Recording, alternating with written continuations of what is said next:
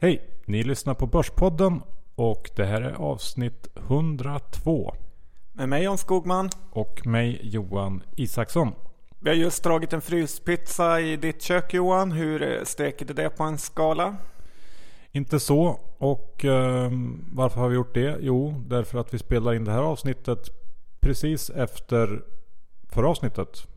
Oj då, du reser i tiden. Ja, alltså i slutet på juli. 27 juli för att vara exakt. Ja, för du har ju lämnat podden i sticket och ska dra till Gotland eh, där jag redan har varit. Du är lite puck 2. Ja, jag är en late, late adopter. Och du däremot, du flyger iväg till eh, England. Ja, jag hade tänkt att sila vår deal med Goldman Sachs angående hedgefonden. Vi får se om det blir klart eh, den här veckan eller om det dröjer. Just det. Men dit ska jag en vecka i alla fall. Ja, skoj skoj. Och eh, vi har ju utlovat fyra sommarpoddare den här sommaren. Eh, vi får väl säga att det blev lite problem med den fjärde. Eh, Rodney Alvén på Nordea. En eh, rapportperiod kom i vägen och eftersom de på Nordea har eh, så kallade tysta perioder så kunde inte vi intervjua Rodney. Utan den intervjun kommer att genomföras i mitten av augusti och släppas ja, då istället. Så att eh, det kommer. Ja, men det passar ju bra med Britt, eh, sommarpoddaren Rodney. Ja, det ligger fint i munnen. Det gör det. Och sen har vi ett eh, budskap från Consent, det nya bolaget på börsen. Vars aktiekurs har börjat klättra lite långsamt. Och det är grabbarna bakom Lundbergs som har kört, eh, kört sitt eget race helt enkelt. Och det är en liten blandning av Besqab och eh, JM, den typen av bolag som fokuserar på att bygga hyresrätter. Och man kan läsa en, mer om det här bolaget på deras hemsida där det även finns en analys av aktiespararna. Så där är jag. Men eh, nu kör vi väl igång. Vad ska vi prata om idag? Vi ska faktiskt eh, sammanfatta det här första halvåret eller första sju månaderna kan man säga. Och även försöka krydda det med lite extra saker hur man ska gå tillväga för att bli framgångsrik. Ja, häng med.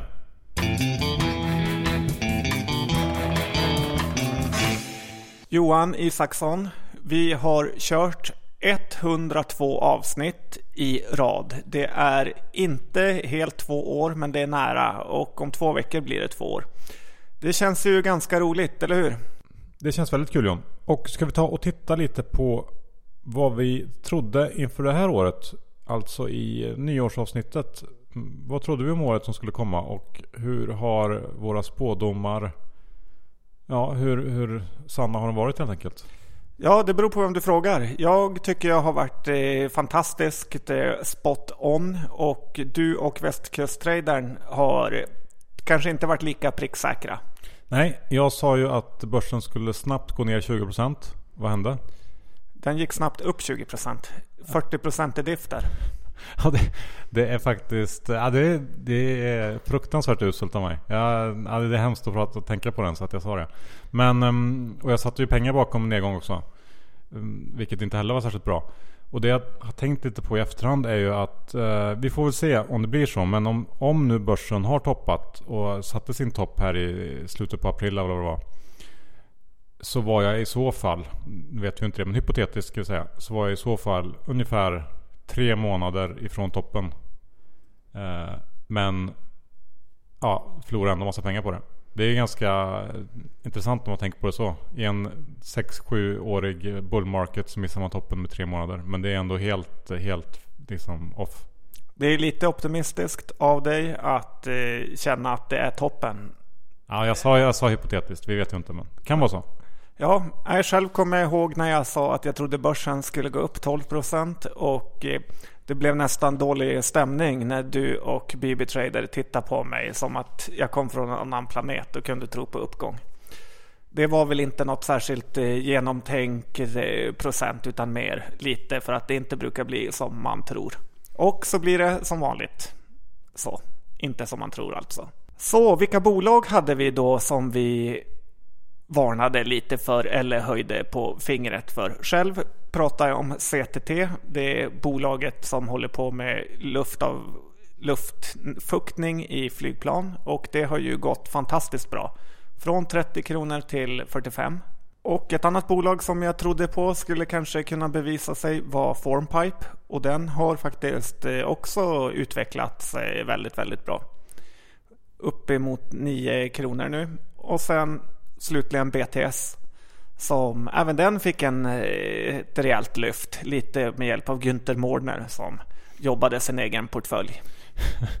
ja, nu, nu, när du sitter och berättar om det. Jag känner att jag måste börja ta mer rygg på dig John. Ja, det ska du göra. Även om jag inte alltid tar rygg på mig själv heller. Nej, det är imponerande.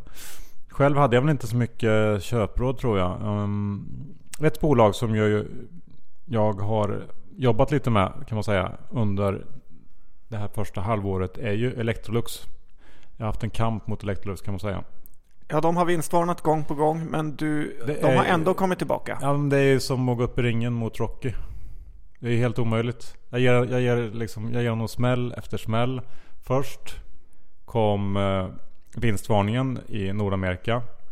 Och aktien tappar 10% för att snabbt studsa tillbaka och resa sig upp mot eh, all time high igen. Sen nu senast kommer problem med eh, den stora affären i USA.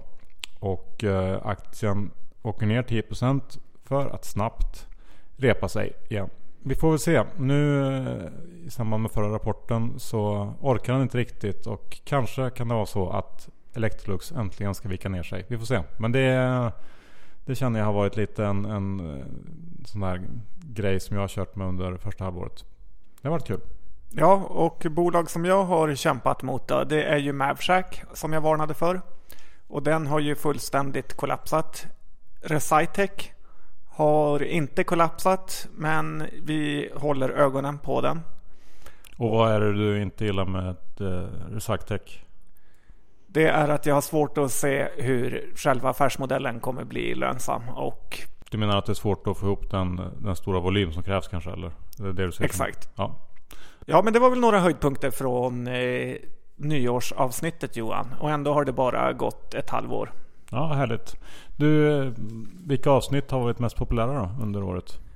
Det som var allra, allra mest har varit eh, Mikael Syding. Kanske inte så förvånande när man ser vilken nivå han har presterat på. Nej, det var eh, väldigt kul att få träffa Micke och höra hans berättelse. Så att, eh, ja, det förstår jag också. Sen då? Avanzamannen var en eh, solklar tvåa och eh, det är ju en fantastisk kille som har en väldigt spännande historia som han berättade för oss. Hur han har gått från att flippa lägenheter för 200 000 i en okänd ministad i Sverige till att bli en av Stockholmsbörsen, Stockholmsbörsens största daytraders. Just det, ja. Och på tredje plats? Tredje plats är jämt Johan. Det är står mellan Per H Börjesson, oraklet i Omaha, när vi var där. Kul att det var uppskattat. Och Dubbelpodden med Sparpodden som vi körde, där vi battlade lite grann. Just det, ja. Så det är väl ett, två och en delad tredjeplats för Per H och eh, Dinkelspiel. Kul. Det känns lite svårt att toppa det här känner jag nästa halvår. Eller? Hur ska vi göra? Ja, jag tror vi har en hel del i pipen faktiskt. Men det vore också kul att höra av lyssnarna vad de vill höra och inte höra. Ja, exakt. Vad, vad vill ni se i kommande 100 avsnitt? Vad, eh, vad ska vi göra mer av, mindre av? Hur kan vi bli eh, bättre och eh, ja, vad helt enkelt ska vi hitta på? Och har ni någon, ehm, något önskeämne eller någon, kanske någon önskeintervju så mejla eller twittra till oss så ska vi försöka se till att det blir verklighet.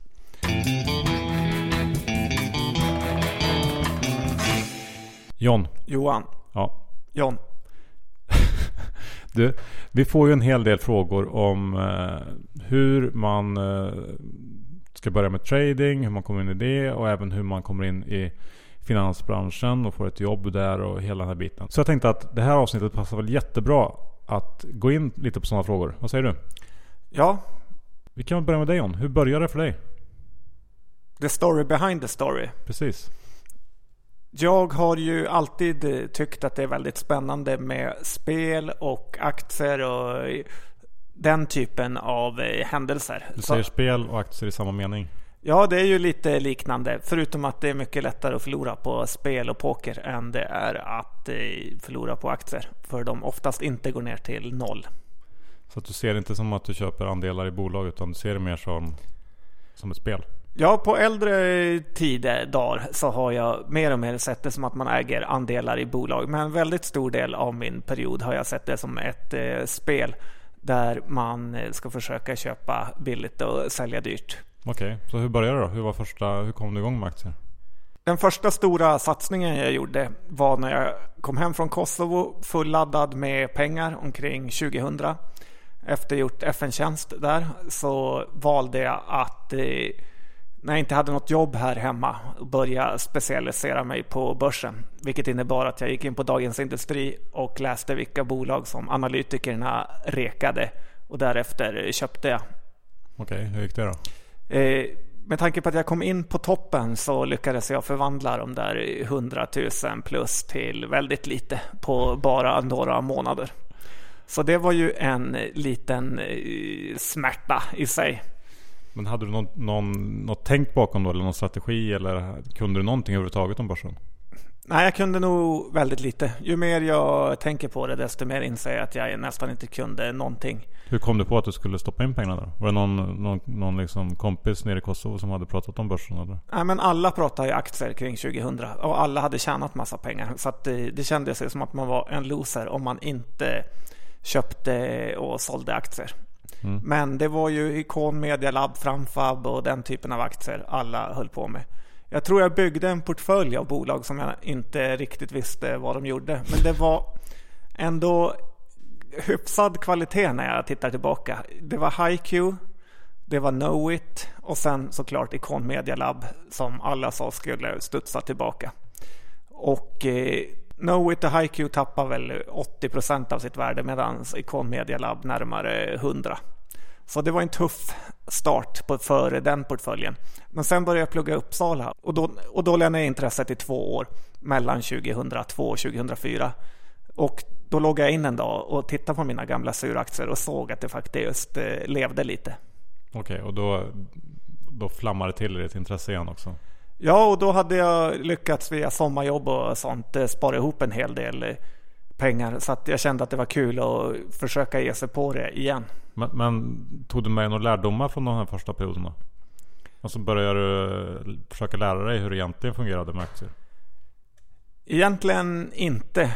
Utan det har nog tagit ganska lång tid innan jag började ens titta i årsredovisningar och kvartalsrapporter. Utan det har mest varit feeling. Feeling, feeling. Ja, det kan ju funka för vissa. Men eh, hur, du kom igång igen sen. Vad hände då? då? Ja, då kom jag igång i aktieboomen då alla aktier bara gick upp där mellan 2004 och 6, 7. Den så kallade superkonjunkturen. Ja, och då gick ju allting upp så då började man tro att man hade fått lärt sig något på universitetet när det egentligen bara var börsuppgången som hjälpte en. Och eh, det gjorde ju att eh, aktierna växte till sig och nästan alla affärer man gjorde blev ju ja, betydligt bättre än tidigare i alla fall. Och det här var då i slutet av din studieperiod i Uppsala eller? Ja, då kanske 2005 som jag verkligen blev semi-daytrader. Och då antar jag också att det föddes någon slags vilja hos dig att kanske vilja jobba med börsen, eller? Ja, men det kändes ju fullständigt omöjligt att eh, inte känna någon inom finansbranschen och eh, komma in i finansbranschen på, om vi säger finfinansbranschen. För du hade inte varit på någon internship eh, hos Goldman i London på somrarna och sånt? Nej, dels Uppsala och min, kombinerat med mina betyg räckte inte riktigt till eh, för eh, det. Även om jag gjorde en vansinnesansökan till Lehman Brothers under en period. Jaha, uh, men hur gjorde du då för att komma in i, få in första steget? Ja, men det har ju gått den hårda vägen kan man ju säga. Jag började på ett bemanningsföretag och då blev jag utskickad till If för att jobba på deras backoffice. Men efter en vecka så bröt jag ihop av uttråkning och sa upp mig. Mm. Och då fick jag ett nytt, en ny chans på scouting. Och eh, så började jag där på backoffice och sen eh, fick jag faktiskt såg jag att Remium sökte en tjänst i deras tradingavdelning och då skickade jag snabbt in min ansökning dit. Hur gjorde du för att sticka ut då? För att eh, det fanns, även om inte Remium kanske var den bästa firman på stan så fanns det inte så många tradingjobb just. Nej, och eh, det förstod jag ju att jag var tvungen att sticka ut på något sätt. Så att då skickade jag in hela min K4-blankett som jag hade eh, skrapat ihop från Uppsala tradingtiden. Eh, så den var ju på några hundra sidor som jag mejlade över. Och det hade han som fick emot ansökningen aldrig eh, sett någon göra. För då Nej. såg han att jag verkligen hade ett aktieintresse. Ja. Hade du tradat bra då? Eller vad, vad var det som gjorde att du ville visa upp dina affärer? Nej, jag hade inte tradat så bra. Jag ville mer visa mitt intresse. Det som egentligen stack ut och som jag gjorde att jag han ville träffa mig var att jag hade förlorat nästan hela min portfölj i en trade i Presio systemutveckling. Jag gick på en riktig pump and dump nit när någon sa att Presio skulle börja med poker under den tiden det var som hetast. Då fyrdubblades kursen på några dagar och eh, jag tror nog inte att aktien nådde en notering högre än det jag gick all in på. ja. Så när jag insåg att det här kanske var ett stort misstag, eh, då hade aktien gått från 22 öre till närmare 90 öre. Och eh, jag köpte för nästan hela portföljen på 90 öre. Och när jag började ana oråd så ringde jag till vdn och frågade hur det gick med deras pokersatsning. Mm. Och då blev det helt tyst i luren. Och jag förstod att det här var vansinnigt. Så att eh, jag tror jag förlorade eh, ungefär hälften eller två tredjedelar av portföljen i den traden. Ja, okej. Okay. Och trots det så fick du jobbet? Ja, risk management, det var det de ville säga. Ja, alltid lär man sig någonting. Ja, men sen fick du jobbet på Remium och var kvar där i ganska många år. Ja, nästan fyra år. Men det var en helt fantastisk eh, möjlighet att få lära sig branschen innan och utan och ett av de allra roligaste perioderna i livet och förhandla med Remiums pengar. Jag kommer ihåg när jag mötte folk på stan som frågade vad jag jobbade med som man kände så började jag nästan skratta när jag sa att jag var trader på Remium.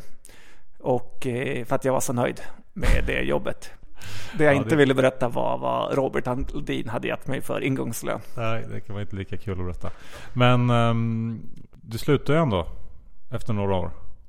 Ja, det var ju ett eh, svårt beslut att eh, liksom sluta på ett jobb man kanske aldrig skulle kunna få igen. Men det kändes ändå helt rätt att eh, prova och försöka själv. För om det hade gått dåligt så hade man kanske haft någon chans att få ett hyfsat jobb inom ett halvår, år. Men eh, nu har det gått bra så att det enda jag ångrar är nästan att jag inte slutade lite tidigare. Och om du får ge ett enda tips när det gäller att ta sig in i finansbranschen, vad skulle det vara? Det skulle nog vara att inte vara rädd att börja på en låg nivå utan det kan gå fort upp när någon får upp ögonen för dig. Och du kan landa ett ganska bra jobb inom en relativt snabb period även om du inte är handelsstudent. Johan, du är mannen som kom från de mörka värmländska skogarna och eh, slog till och slutade karriären som analyschef på Remium. Men hur började din karriär och ditt aktieintresse egentligen? Jag var ganska sen med det där. Som du sa så kommer jag från de värmländska skogarna och där är inte aktier och eh, aktiekunskap det som man pysslar mest med. Och det gjorde ju inte jag heller när jag bodde där. Utan eh, aktieintresset kom under, ja, under min period i Uppsala när jag pluggade. Jag vet inte riktigt varför. Jag kanske läste någonstans om börsen eller om aktievärdering eller någonting. Det var någonting med det som fick mig att tycka att det verkar intressant och spännande. Um, och så började jag läsa på mer och mer helt enkelt. Jag um, läste Buffett och Graham och Peter Lynch framförallt kommer jag ihåg att jag gillar. Hans, uh, hans sätt att analysera och gå ut och uh, kolla på, um, på produkter i butiker och se hur folk eh, om de handlar eller inte och så. Så det fastnade jag väldigt mycket för där i början. Men jag hade ju inte heller direkt några superkvalifikationer inför utan eh, jag förstod nog något år innan jag skulle typ ta studenten eller ta examen ifrån Uppsala att man måste ha kanske någonting mer eh, vid sidan om för att visa att man ändå, eh, ja för att sticka ut. Och eh, då lyckades jag hitta ett jobb som, som börsskribent eh, på ett litet företag i Uppsala som hade hand om de här eh, kommentarerna till eh, börsutvecklingen i, i Svenska Dagbladet och ja, den typen av tidningar, Sydsvenskan och, och sådana. Så att man, eh, man skrev helt enkelt en, en liten kort notis om hur börsen hade gått under dagen. Och det hade jag som extrajobb under något år. Vilket ändå gav lite, lite på något sätt någon slags erfarenhet i rätt riktning. Eh, och någonting att stoppa på CVt. Men 2005 klev du in på arbetsmarknaden och eh, du började på börsen. Det gjorde jag. Jag började på Stockholmsbörsen som någon slags sån här timvikarie eller vad man ska kalla det. På något, um, vad hette det? Ja, det var ett hjälpcenter som fixade statistik åt medlemmarna och ja, tog fram olika typer av rapporter kan man säga.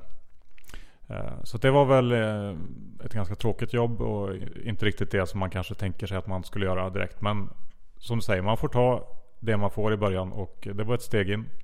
Och Stockholmsbörsen var ju och är ju ett, ett bra bolag att jobba på så att eh, det var ju bara att hoppa på. Men sen ville du bli analytiker och det passar ju dig ganska bra. Men hur fick du det jobbet? Ja, man ville ju in på liksom att jobba på riktigt med finans. Och då eh, sökte man ju analysjobb, corporate finance jobb. Eh, det var framförallt det jag sökte tror jag. Och eh, jag sökte väl i princip allt som kom. Man gjorde ju så. Eh, och var på ett gäng intervjuer men ja, kom inte riktigt ända fram. Men hos Remium så lyckades jag ta mig till slutsteget och fick ett erbjudande. Eh, jag kommer väl inte riktigt ihåg vad det var som gjorde att jag fick det men eh, ja, det gick bra. Vad gjorde man som analytiker på Remium? Remium var ju då framförallt inriktade på analys av småbolag. Så då fick man ju träffa, åka runt och träffa massa mindre bolag och göra analyser på dem. Vilket var jättespännande. Bra att man kunde få möjlighet att träffa olika typer av bolag. För börjar man på en lite större bank så blir man ju oftast inplacerad i, i någon typ av sektoranalys. Att man får bara titta på verkstad eller bara bank eller sådär. Men eh, det var ju fördelen då i så fall med att eh, vara på en lite mindre firma. Att eh, man blir lite mer av en generalist. Ja, för ibland var du hos Tagmaster och ibland hos Kabe. Ja, lite så kan man säga högt och lågt. En gång var jag i, utanför Köpenhamn och tittade på när Tetis hade en helt galen borrning där. Att de trodde de skulle hitta olja utanför, någon mil utanför Köpenhamn. Vilket de inte gjorde. Men, äh, men lite, det, man fick se lite allt möjligt faktiskt. Ja, var det inte en liten speciell incident som var lite extra rolig när TTS borrade i Danmark? Jo, eh, när vi gick där och tittade på på sajten där eh, borren var utplacerad och, och ja, de håller på att jobba så gick Magnus Nordin som var VD fram och, och tog upp en näve jord eh, från marken och luktade lite på oss och sa han ah, luktar, Det luktar olja. och det måste varit något fel på hans luktsinne för det fanns ingen olja där, eller hur? Nej men det har ju funkat senare i och för sig. Så att han eh, kanske bara var lite felinställd att han var snuvig eller någonting. Jag vet inte. Han har ju lyckats med det där bolaget till slut. Vilket är kul. Men hur kom det sig att du på så relativt kort tid fick kliva upp och bli analyschef? Ja, det var nog bara en serie tillfälligheter eh, mer än att jag gjorde någonting som var särskilt bra faktiskt. Eh, folk slutade och finanskrisen kom och det, man vill inte anställa nya folk. Och jag tror det är lite mycket sådana, man, man ska ha lite tur och så. Eh, så att ehm, det, bara, det bara blev så helt enkelt. Men parallellt med eh, jobbet så var det, hade man ju ett, ett privat aktieintresse också. Så under tiden så eh, satsade man på att försöka bygga upp sin egen portfölj och hitta intressanta case. Vilket till slut gjorde där eh, i början på 2009 att jag kände att jag hade skrapat ihop tillräckligt eh, mycket för att kunna våga ta steget hoppa av. För att eh, eh, Även fast det fanns många roliga saker med att jobba som analytiker så finns det ju många saker som inte är så kul också. Så att eh, jag ville pröva, pröva lyckan själv och eh, det gjorde jag där. Vad är det allra tråkigaste med att vara analytiker? Ja, men det, det hänger nog lite ihop med eh, det som eh, herr 4020 sa i, i eh, förra avsnittet när vi intervjuade honom, eller förra, förra blir det. Att att vara analytiker på en, en fondkommissionär eller investmentbank är ju ändå ett, ett säljande jobb. Och kunderna, eller mäklarna vill ju ha, matas med nya affärs, eh, affärsidéer och eh, det måste ju hända saker. Annars så funkar inte en, en investmentbank så bra. Pengarna måste snurra. Och då måste man ju hela tiden komma med, med nya köp och säljråd. Eh, Vilket inte alltid kanske fanns eller det kanske inte fanns särskilt bra sådana eh, vid alla tillfällen. Och den biten av branschen tycker väl inte jag är så kul. Så att eh, det var väl det. Och helt enkelt tvingas titta på bolag som man kanske inte heller vill titta på eller är intresserad av att analysera. Eh, man vill bestämma själv helt enkelt. Det är roligare.